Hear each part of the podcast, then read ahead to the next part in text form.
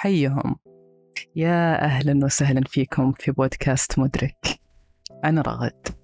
في هذا البودكاست باخذكم في رحلة اليقظة. قبل ما أبدأ بقول لكم جملة. اسمعوها كويس. نحن متصلون. أنا وأنت واحد.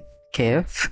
خلونا أول شيء نرجع لورا ونعرف الإنسان. أول شيء الإنسان نقدر نقول عنه أنه كائن طاقي يصدر ترددات وذبذبات نقدر نستشعرها. قد جلستوا مع أحد وحسيتوا بأن توصلكم منه طاقة سلبية أو طاقة إيجابية أو فرح أحد قدامكم أعداكم وأنتم في حالة حزن السبب هو أن نلقط هذه الترددات وهذه الذبذبات. في بحث لديفيد هاوكنز تحول لاحقا إلى كتاب يسمى القوة مقابل الإكراه. ركز فيه على دراسة هذه الترددات وربطها بالوعي. اكتشف في دراسته بأن كل مستوى من الوعي له ترددات معينة فيقدر يدرس عقل الإنسان ويعرف من خلال هذه الذبذبات اللي تصدر منه هو في أي درجة من درجات الوعي. بناء على هذا الاكتشاف طلع لنا في سلم سمى هذا السلم سلم الوعي. لما يكون الإنسان مستوى تردداته متدني مستوى 20 50 إلى 175 يكون هذا الإنسان في مستوى سلبي أو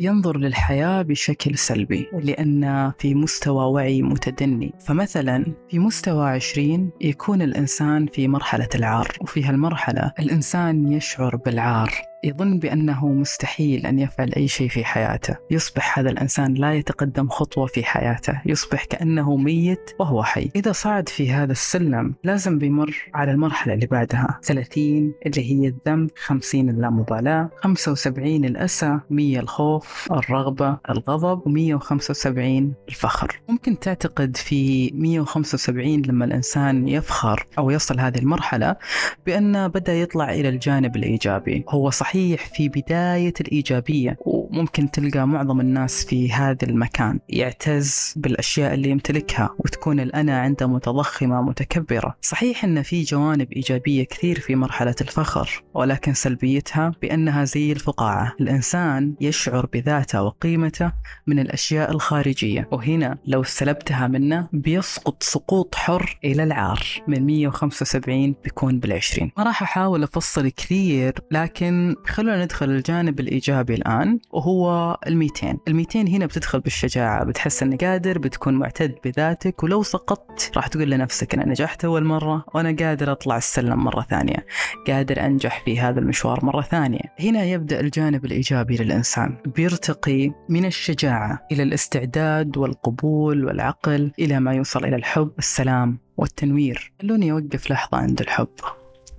هنا أنا ما أتكلم عن الحب اللي نعرفه بالحياة آه، الانجذاب أو الرغبة بتملك شخص ما. هنا نتكلم عن الحب الغير مشروط لكل شيء قدامك في الحياة كل المخلوقات. لكل الناس. الرحمة لما تكون غفور لما تبي تساعد بدون مقابل لما تتطوع عشان تعمل الخير بدافع الحب فقط. وهنا أعتبرها من أسمى المراحل ما قبل السلام والتنوير أكيد. والمرحلة اللي أتمنى الكل يوصلها أو البعض يوصلها بعد ما يسمع هذا البودكاست. لما توصل مستوى وعي مرتفع تبدأ باستيعاب الكلمة الأولى اللي بديت فيها. نحن متصلون أنا وأنت واحد. لما تستوعب هذا المبدأ تصير أكثر أكثر رحمة وتعاطف مع الناس. لما تشوف أحد يتصرف تصرف سيء قدامك أو تنصح أنه يطلع من السلبية ومو قادر يطلع تستوعب أنه هو في المرحلة عشرين من السلم وأنت تبغى تخليه يقمز إلى الشجاعة. الحياة ما تمشي كذا. لما تبي تصعد سلم لازم تصعد درجة درجة. هنا تجي الرحمة تجي الشفقة أو خلينا نقول التعاطف أفضل. تستوعب أنك لازم تساعد الإنسان يطلع من العار إلى اللامبالاة بعدين الغضب ثم الفخر ثم الشجاعة. ما تقدر تقدر تسحب الإنسان سحب أو تقول عنه أوه هذا غبي. تستوعب إن أنا وياك وهذا الشخص